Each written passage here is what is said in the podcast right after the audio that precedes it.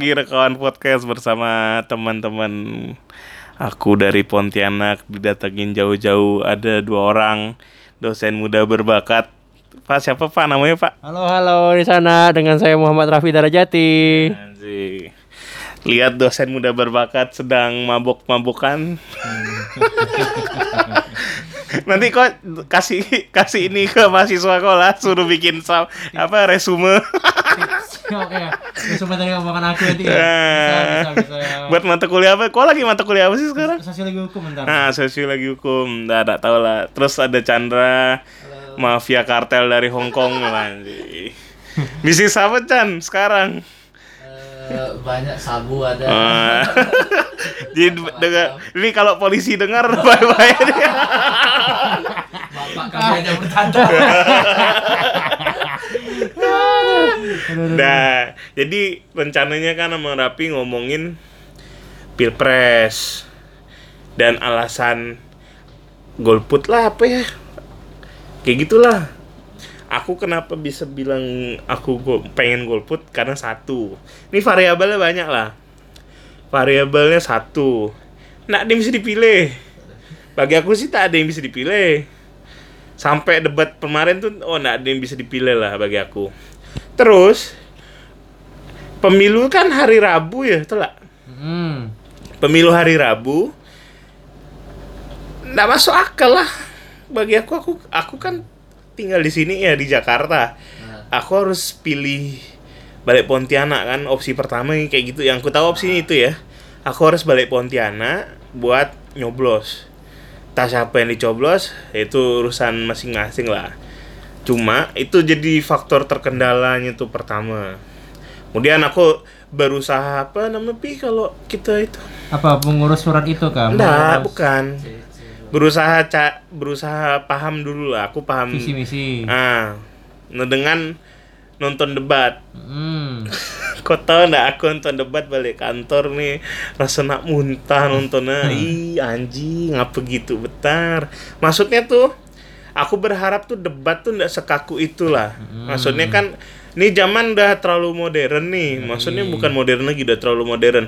Ngapa gayanya kayak tahun 9 uh, uh, debat-debat yang tahun waktu Pilpres pertama tahun 2004, Hmm. 2009 sampai yang kemarin tuh sama Hmm. aku nggak tahu gak bilang gimana maksudnya kan kok apa mang KPU tak bisa bikin acara yang menarik Ya. Atau paslonnya dijaga sama KPU Hmm. ya enggak Ya. nah kemudian pun aku menarik juga dari debat. Aku kan bikin podcast sebelum ini review lah istilahnya. Memang benar-benar ndak masuk kriteria aku lah. Maksudnya ndak ada pertanyaan spesifik. Harus konteks semua ndak kontekstual lah. Terus aku ndak bisa lihat brightnya masing-masing paslon nih maksudnya semuanya sama hanya beda diksi. Dan ndak dikasih waktu buat ngomong lebih panjang. Itu sih yang jadi problem. Masalahnya ya aku selalu bandingin kenapa dangdut akademi bisa sampai jam 3 subuh ngapa ini tidak bisa? Padahal kan itu kesempatan ya. Maksudnya tuh apa tuh eh temanya tuh tema seksi lah. Maksudnya kan kemarin apa, apa hukum ham Terorisme. terorisme korupsi. Hmm. itu kan ada payung besarnya penegakan hukum lah ya law enforcement kan. Nah masa isu-isu sensitif tuh ndak ada disentuh kayak kasusnya novel eh negara hadir untuk orang-orang begini ya. Ini ndak tahu sih receh negara hadir terhadap membela kayak model-model pelakor itu kan eh, penting tuh. Hmm. Eh ndak ada case study yang dibahas. Semuanya tuh general opinion lah maksudnya. Ndak harusnya kan yang bikin pertanyaan tuh guru besar ya. Bagi aku ya kemarin tuh pertanyaannya tuh masih berat pertanyaan aku waktu sidang S1 dan D3 lah.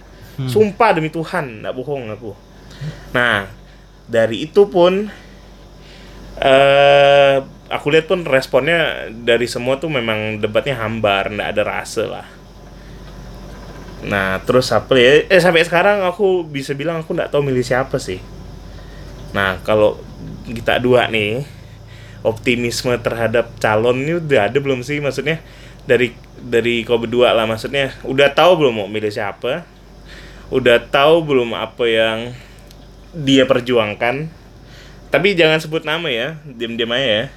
Terus? aku PNS iya anjing sombong kau nih PNS aku tak nyebut nama aku PNS apa apa ASN oh, aku SN tak boleh nyebut nama anjing sana negara ya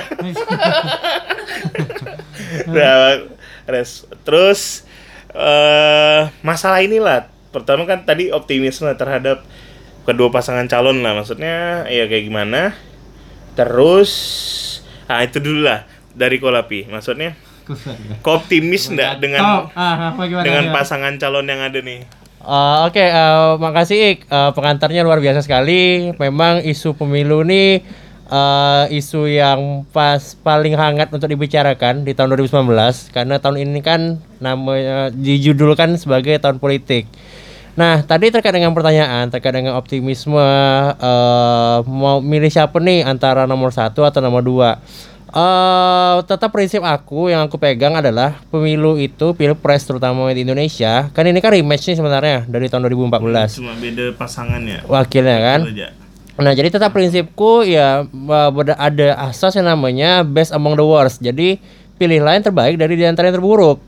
Ini dua-duanya memang em, nggak yang sempurna-sempurna amat, akan tetapi kita harus sebagai pemilih yang cerdas tuh harus bisa menimbang-nimbang dengan eh, rasio yang baik.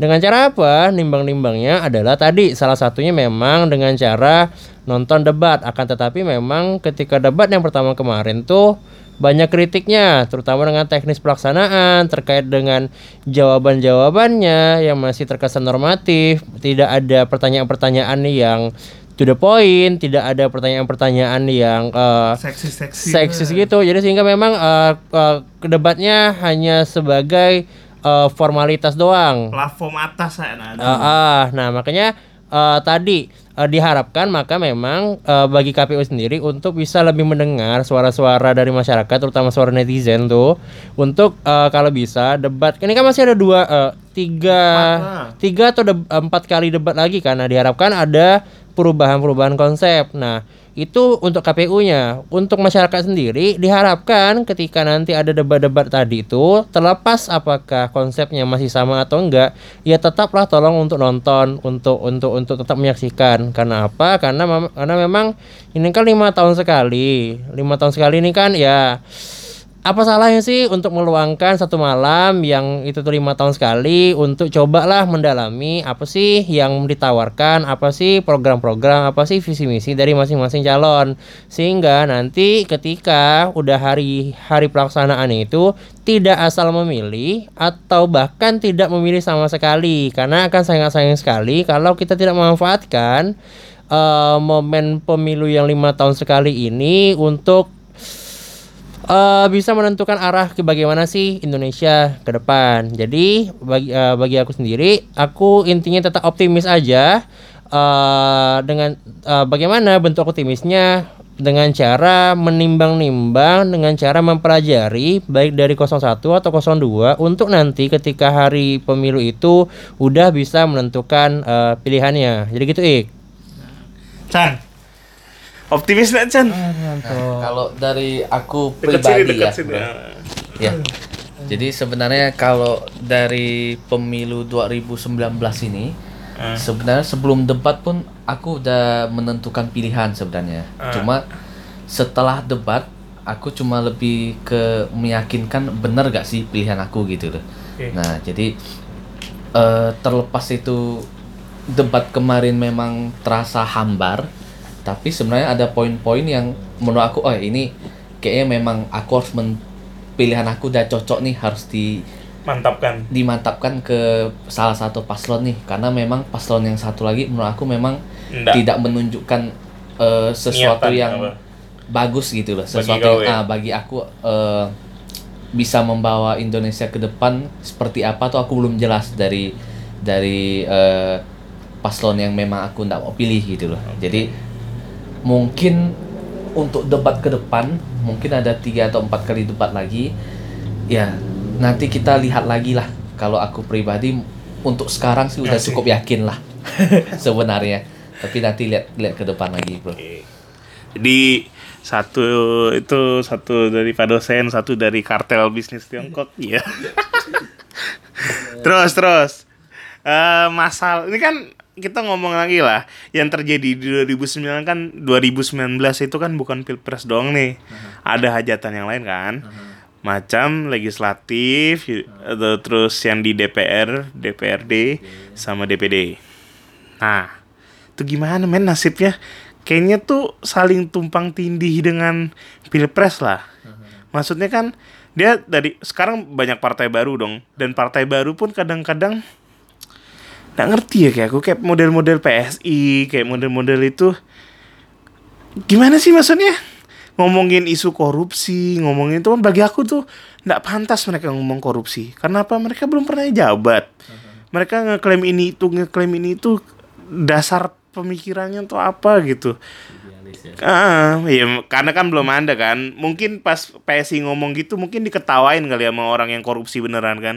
Apa aja ya, kau nak pernah pegang jabatan, megang duit ini belum tentu banyak, pressure juga belum tentu banyak gitu kan. Nah, aku pengen tanya nih. Kayak kita yang muda-muda nih. Kita tuh kekurangan sama namanya literasi politik lah. Maksudnya apa yang harus dibaca, apa yang jadi landasan pijaan kita buat berpikir memilih pasangan eh memilih calon yang kita mewakilkan kita sampai legislatif masalah perundang-undangan apa yang dia pengen sampein maksudnya misi orang orang-orang tuh kan yang ada di spanduk di jalan tuh kan pasti punya apa tuh istilahnya? Punya kepentingan kan nah punya kepentingan punya niatan. Nah mungkin itu jadi salah satu bagian dari kita juga. Maksudnya niat dan kepentingannya. Nah seberapa kita tahu dia punya pengaruh sekuat itu bisa ngegolin sampai ibaratnya di Senayan itu kayak gimana? Nah, bagi kopi, maksudnya lin- landasan pijakan kita buat literasi politik itu dalam memilih pas memilih wakil di legislator tuh kayak gimana? Soalnya kan ini bener ya ketutup dengan pilpres sama sekali. Bagi kau gimana coba? Nah, jadi ini memang yu- eh, uniknya dan pertama kalinya eh, dalam sejarah Indonesia eh, Pilpres dan Pileg tuh bersamaan kan. Dan yang terjadi adalah seperti yang udah ketebak dari sebelum-sebelumnya bahwa hype atau hawa-hawa dari Pilpres itu menutupi sekali dari yang namanya eh, pemilihan legislatif. Padahal sebenarnya baik pileg atau pilpres itu sama-sama penting. Eh, dan tadi terkait dengan pertanyaannya ada juga eh, terkait dengan lit- eh, menyinggung masalah literasi politik. Maka memang kalau menurut aku pribadi eh, untuk pileg nih butuh effort lebih, butuh usaha lebih bagi kita sebagai masyarakat ini untuk mengenal bahkan nanti untuk memilih caleg-calegnya. Selama ini kan kita cuma mendapatkan informasi, terutama ini kita fokus ke pileg ya. Tuh, eh, fokus ke pileg kita cuma dapat informasinya dari baliho doang. Dan di baliho pun yang ada cuman muka sama namanya doang. Visi yang ndak ada, programnya ndak ada, rekam jejaknya ndak ada. Terus kita ndak punya dasar, kita ndak punya informasi atau pengetahuan terkait dengan ini orang siapa sih dan apa kita harus milih dia. Nah, bagi aku pribadi caranya bagaimana? eh bagi kita yang terutama anak milenial segala macam yang udah melek informasi ya bisa menggunakan Google atau media sosial sosial yang lainnya.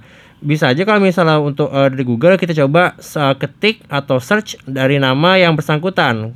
Kita buka tuh di Google, ada informasi apa aja sih terkait dengan nama itu? Entah nama si nama itu pernah masuk berita kah? Entah itu berita positif atau negatif?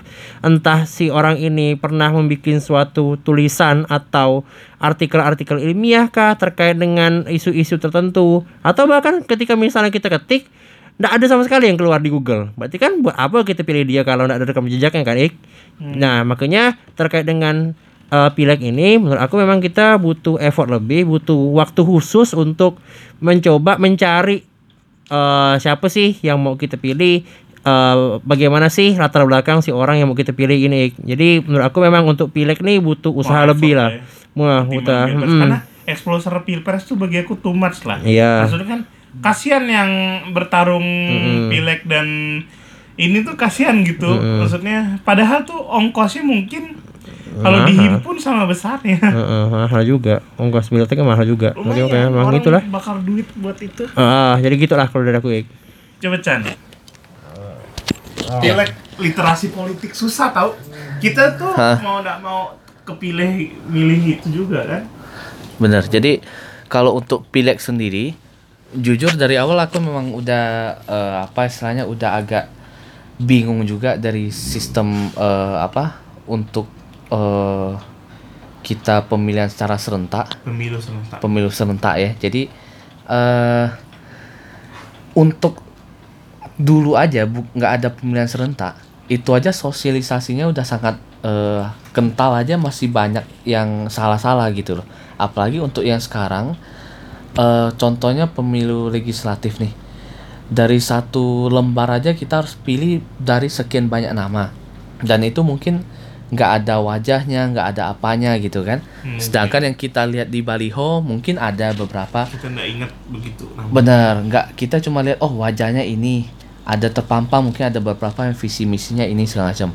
Cuma kita sebagai masyarakat mungkin kan nggak terlalu gitu ngeh gitu loh.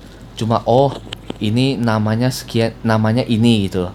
Nah yang jadi concern aku sebenarnya nanti ketika eh, orang mau memilih itu apalagi kalau orang-orang yang eh, kurang ini ya eh literasi literasinya agak kurang ya. Jadi eh ini gimana cara pilihnya nih kok seperti ini? Karena dulu eh, sosialisasinya aja udah kental masih banyak salah-salah gitu loh. Salah-salah tuh gimana sih? Eh gini loh.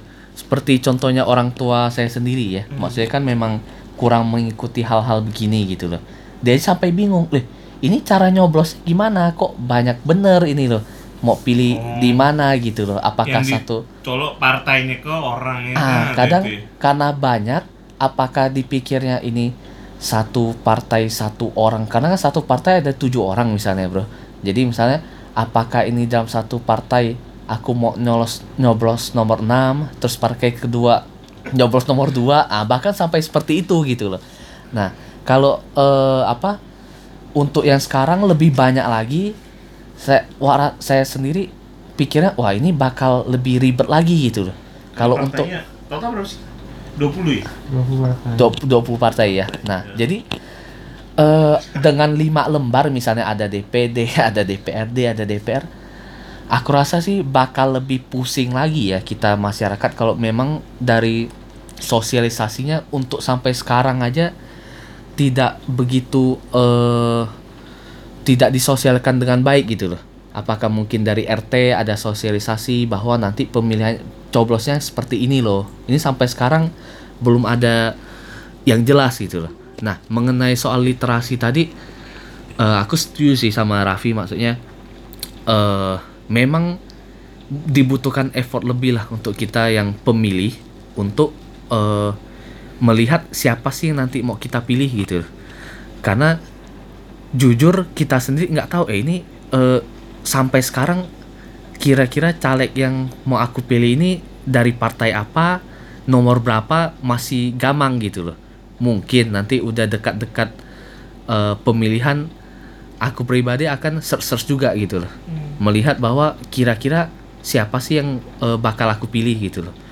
Untuk sekarang aku masih jujur masih bingung sih untuk menentukan pilihan karena dari dari orang legislatifnya sendiri tidak begitu memberikan eh, Nggak apa begitu turun ke lapangan. betul tidak langsung Iya. turun ke lapangan memberitahu kita ini loh aku loh nanti loh yang yang akan mencalonkan gitu loh ini loh visi misiku paling gitu sih Nah, itu dengar ya. Jadi bagi mereka tuh mereka pu- niatannya udah ada nih, niatannya mau milih tuh udah ada. Cuma ya lagi-lagi lah hal sepele gitu kan maksudnya dari tata cara dan segala macam tuh kadang-kadang miss. Orang lebih ribut di perdebatan Jokowi antek ASI, Prabowo ah, mau bantai PKI. Itu enggak tahu lah itu perdebatan sialan itu kadang-kadang konteksnya nggak sampai orang terlalu emosi ngikutin ribut-ribut itu doang. Padahal pun nanti pun suaranya jadi ndak sah gitu kan. Dia nyolok sembarangan apa segala macam. Jadinya konyol gitu kan. Nah, terus pertanyaan lanjutannya nih masalah aku pengen sorot masalah legislatifnya lah. Kalau pilpres oh ya gampang, itu easy buat nentuin pilpres tuh. Legislatif lah. Nih, legislatif tuh kan akan melegislasi beberapa poin-poin undangan eh undangan, undang-undang, kepentingan dan segala macam. Bagi kalian berdua nih, un, maksudnya isu-isu yang harusnya ada di Senayan yang dibahas jadi perundang-undangan tuh apa sih? Apa Chan? Yang ibaratnya kemaslahatan hidup kau nih, maksudnya kau harus punya dong yang kau pikirkan undang-undang apa sih yang bisa mempermudah kau atau undang-undang apa sih yang bisa mengakomodir? Bener spesial case-nya tuh di kau lah maksudnya individu-individu kayak kau keluarga lebih besar kalau etnis lu mungkin atau gimana. Nah itu seperti apa gitu. Soalnya kan yang ngerasa banyak struggle mungkin kan kayak kaum minoritas segala macam mungkin itu kan nah isu-isu yang gimana perundang-undangan yang model kayak gimana nih yang harus diperjuangkan sama orang yang berada di legislasi yang bakal sama-sama kau lah maksudnya ah, aku pilih dia nih nah kayak mana modelnya Kalau dari aku sendiri ya, tadi kan perkenalannya aku kartel kartel ini ya. Cuma aja sebenarnya bisnis kartel bisnis. Jadi sebenarnya eh, untuk aku pribadi kan aku ada eh, sedikit kegiatan inilah eh, mengimpor barang dari luar ke dalam gitu loh. Jadi dari luar negeri ke dalam negeri. Nah selama ini undang-undang yang mengatur itu eh, apa ya masih diperbolehkan impor.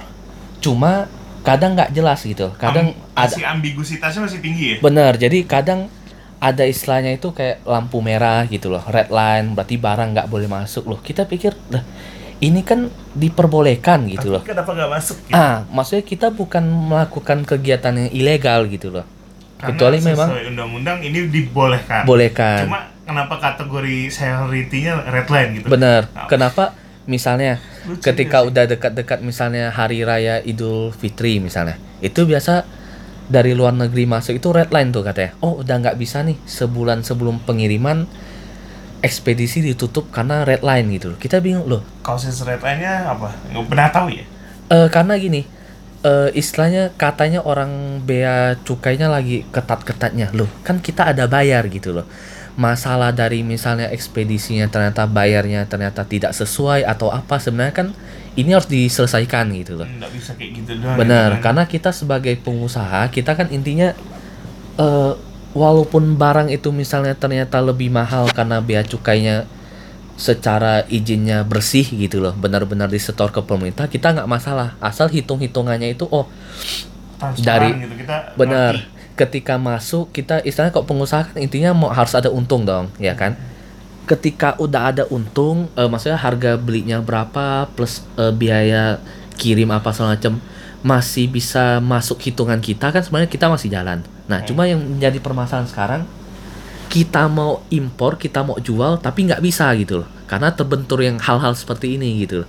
Nah, maksudnya mungkin eh, untuk kalau misalnya ada caleg yang bisa secara gamblang menyatakan bahwa oh kalau nanti aku kepilih sebagai eh, legislatif, aku akan memperjuangkan bahwa regulasi regulasi mengenai eh, mungkin eh, apa bea cukai, mungkin untuk tarif impor dan segala macam dan mafia-mafia dalam pelabuhan akan kita berantas semua nih, akan kita benerin sistemnya, mungkin akan dibuat secara transparan dan lain-lain. Ah itu eh, mungkin aku akan 100% Good point, oh ini deh, eh, aku udah pasti milih caleg ini nih. Karena caleg itu untuk yang sekarang ya banyak kan aku melihatnya doang nggak sih? Benar, jadi kadang nggak jelas gitu loh. Oh, aku akan eh, istilahnya buat rakyat sejahtera apa-apa, tapi Nggak programnya nggak jelas gitu. gitu Iya. loh. Tapi kalau misalnya programnya jelas, oh eh, program kerja aku nanti aku akan seperti ini dan seperti ini, kita akan tertarik. Oh, ini nyentuh banget nih ke aku nih. Hmm. Aku bakal pilih caleg A nih. Nah gitu loh. Tapi kalau yang cuma retorika nggak jelas istilahnya cuma intinya mau Indonesia gitu maju ya. atau apa ya Nggak- tujuan nggak- kita semua kan itu basi, gitu loh. Nah, basi. cuman caranya, tuh caranya- pernah dikasih tahu. ya. benar. Paling dari aku sih itu sih ya. Jadi kalau Chandra karena kebetulan kartel bisnisnya sudah merajalela, jadi dia butuh regulasi yang jelas ya Chan ya sebenarnya. Soalnya selama ini tuh ambigunya masih tinggi tuh. Kenapa barang boleh itu iya nggak tahu lah maksudnya. Kadang-kadang polisi juga nggak bisa ber, be- melanjutkan itu ya terbentur karena perundang-undangan lagi gen. Nah, kok gimana pi? Woi, Hmm, apa terkait dengan apa sih tadi itu? itu Eh, masalah eh kalau legislatif kau bakal pilih orang yang memperjuangkan isu yang apa sih bagi bagi kau tuh dekat bagi kau itu eh, sebenarnya bagi aku pribadi aku ndak ada yang eh mengkotak-kotakkan berbagai isu-isu tertentu. Cuman memang eh, berbagai catatan bahwa masih rendahnya eh, produksi legislasi yang dibuat oleh lembaga legislatif, terutama eh, DPR. Masih banyak sekali undang-undang yang memang sebenarnya perlu untuk ada atau bahkan perlu untuk diperbarui, malahan nggak nggak nggak diperbarui perbarui, nggak diselesai-selesaikan. Misalnya adalah ya yang paling simpel yakni terkait dengan undang eh, kitab undang-undang hukum pidana. Eh, mungkin bagi ba- banyak yang belum tahu kalau kitab undang-undang hukum pidana kita itu tuh masih buatan kolonial Belanda. Tentu sangat miris sih kalau misalnya kok kita Indonesia udah merdeka sampai tujuh, eh, 70 Eh, udah lama lah udah lama lah. Udah lama gitu kok eh, masih eh, produk KUHP-nya masih produk buatan Belanda. kolonial. Yang mana kan itu kan sebenarnya perlu lah ada pembaharuan-pembaharuan, perlu ada suatu eh ya pembaruan lah karena udah udah udah udah udah keta- Usang ketinggalan kata usang usang dan baru eh, masih ada yang rasanya kayak ketinggalan zaman. Terus juga eh yang mungkin perlu difokuskan atau mungkin perlu dirapikan adalah terkait dengan ini kan udah masuk zamannya eh, era digital, informasi apa informasi elektronik ya pertukaran terkait informasi. terkait dengan data data privasi masih belum ada. In- Indonesia masih belum melindungi terkait dengan eh, data privasi kita. Padahal data privasi itu merupakan hal yang penting. Nah, makanya yang yang yang kayak eh, yang kayak modern dan yang perlu di up to date itu eh, aku rasa eh, perlu untuk dilakukan lah oleh eh, nanti eh, siapa pun itu yang bakal eh, duduk entah itu di tingkat DPR, DPRD eh, provinsi atau DPRD kota ik. Itu. Kalau aku sih, bagi aku isu yang paling penting tuh maksudnya pasal-pasal karet buang tuh. Pasal-pasal karet tuh kayak UU ITE, pencemaran nama baik, apalagi isu-isu pasal-pasal karet tuh. Nah, pasal-pasal gitu tuh penistaan agama tuh harusnya ditinjau ulang, direstrukturisasi. Kalau bisa dihilangkan mungkin dihilangkan. Karena firebacknya lumayan banyak gitu. Jadi orang bisa semb asasnya tuh ketersinggungan. Nah, kan nggak bisa ya. Bagi kayak orang aku yang suka ngobrol, bikin podcast, bikin karya, maksudnya jadi bikin limit yang ganggu lah ibaratnya. Kalau kita ngomongin isu ini, isu ini takut tersinggung. Jadi orang sekarang kan bebas ya, maksudnya hak setiap orang buat tersinggung. Cuman kalau tersinggung dan terus melakukan eh, tindakan action yang next actionnya melaporkan polisi, melaporkan kita, eh, mempolisikan kita lah. Itu kan juga ndak enak kan, maksudnya kenapa kita maksudnya ini cuma diarti salah diartikan sebagai ancaman atau gimana pun ya aku sih pilih orang yang bisa memperjuangkan itu pasal karet dan segala macam dihilangkan direstrukturisasi atau gitu terus mau nanya apa lagi ya bentar bentar. Kau. nih ngomong-ngomong Raffi tuh jawabnya ambil tidur. Nih setengah jam ya kita nu salaman lain udah, udah, udah, udah subuh. Jadi kita habis nonton eh Pragiwaksono World Tour tour kelimanya Panji. Eh me surprisingly dia nggak begitu banyak bicara tentang seperti biasanya lah maksudnya tour yang kali ini lebih personal maksud. Dan dia setelah mungkin ada i- eh, menyinggung masalah persatuan. Bagaimana dia tadi pasti poin penting tuh kita tuh selalu berantem dengan kita selalu membedakan dua gitu.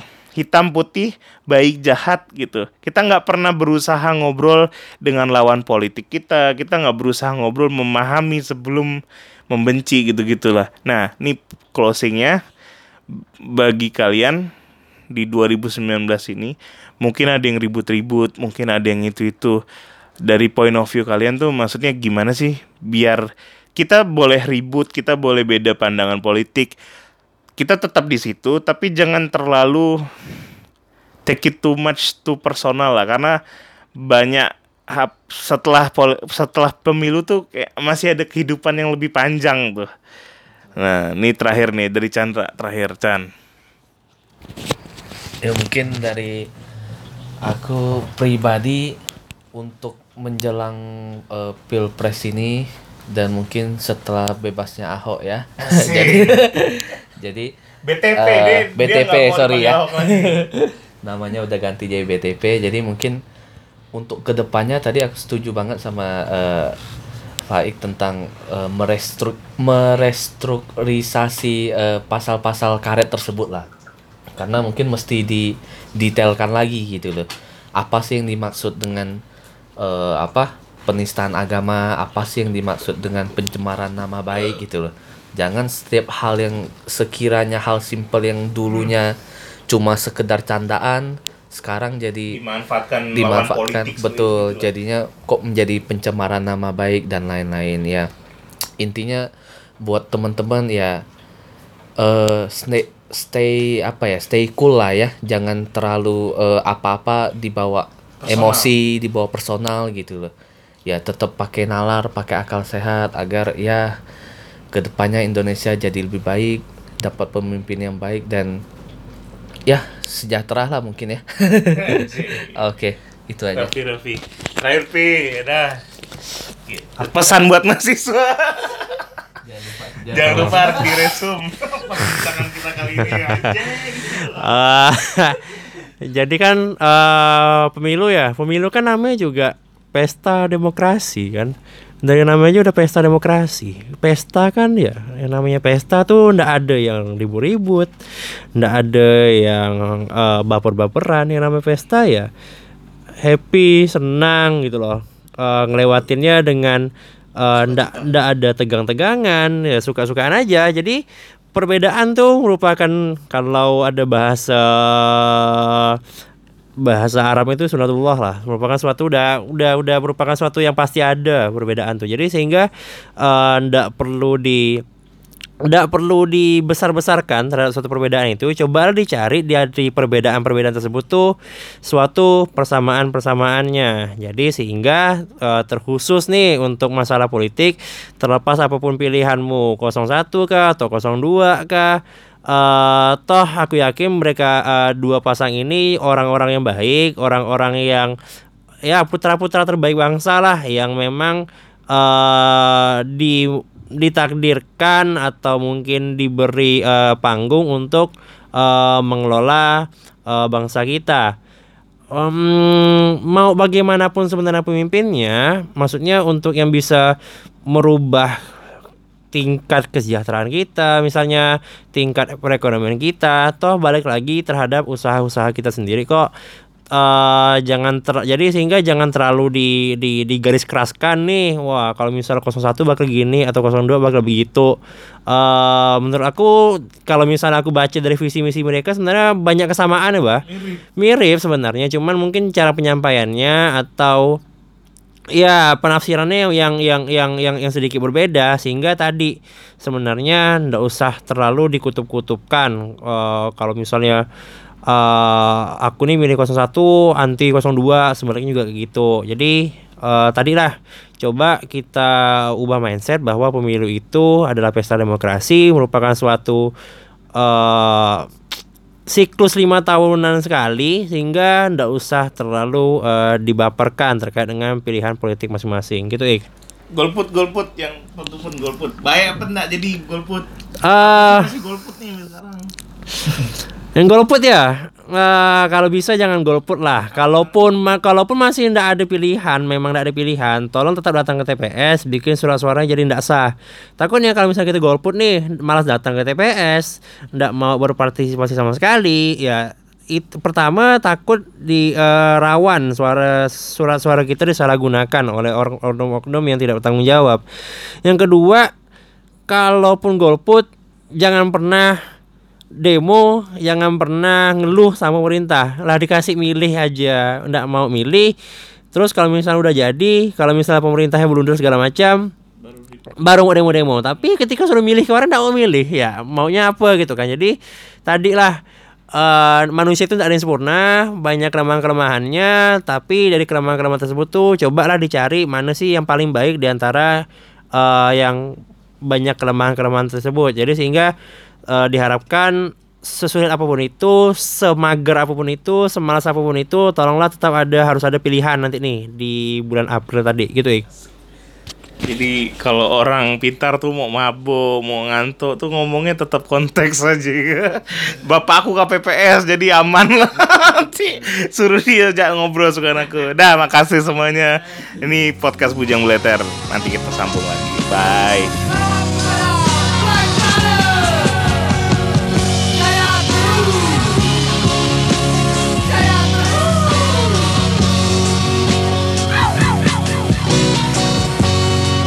Hari ini kau pergi sayang Hari ini kau menghilang Tiada senyum Tiada pesan padaku Yang kau tinggalkan.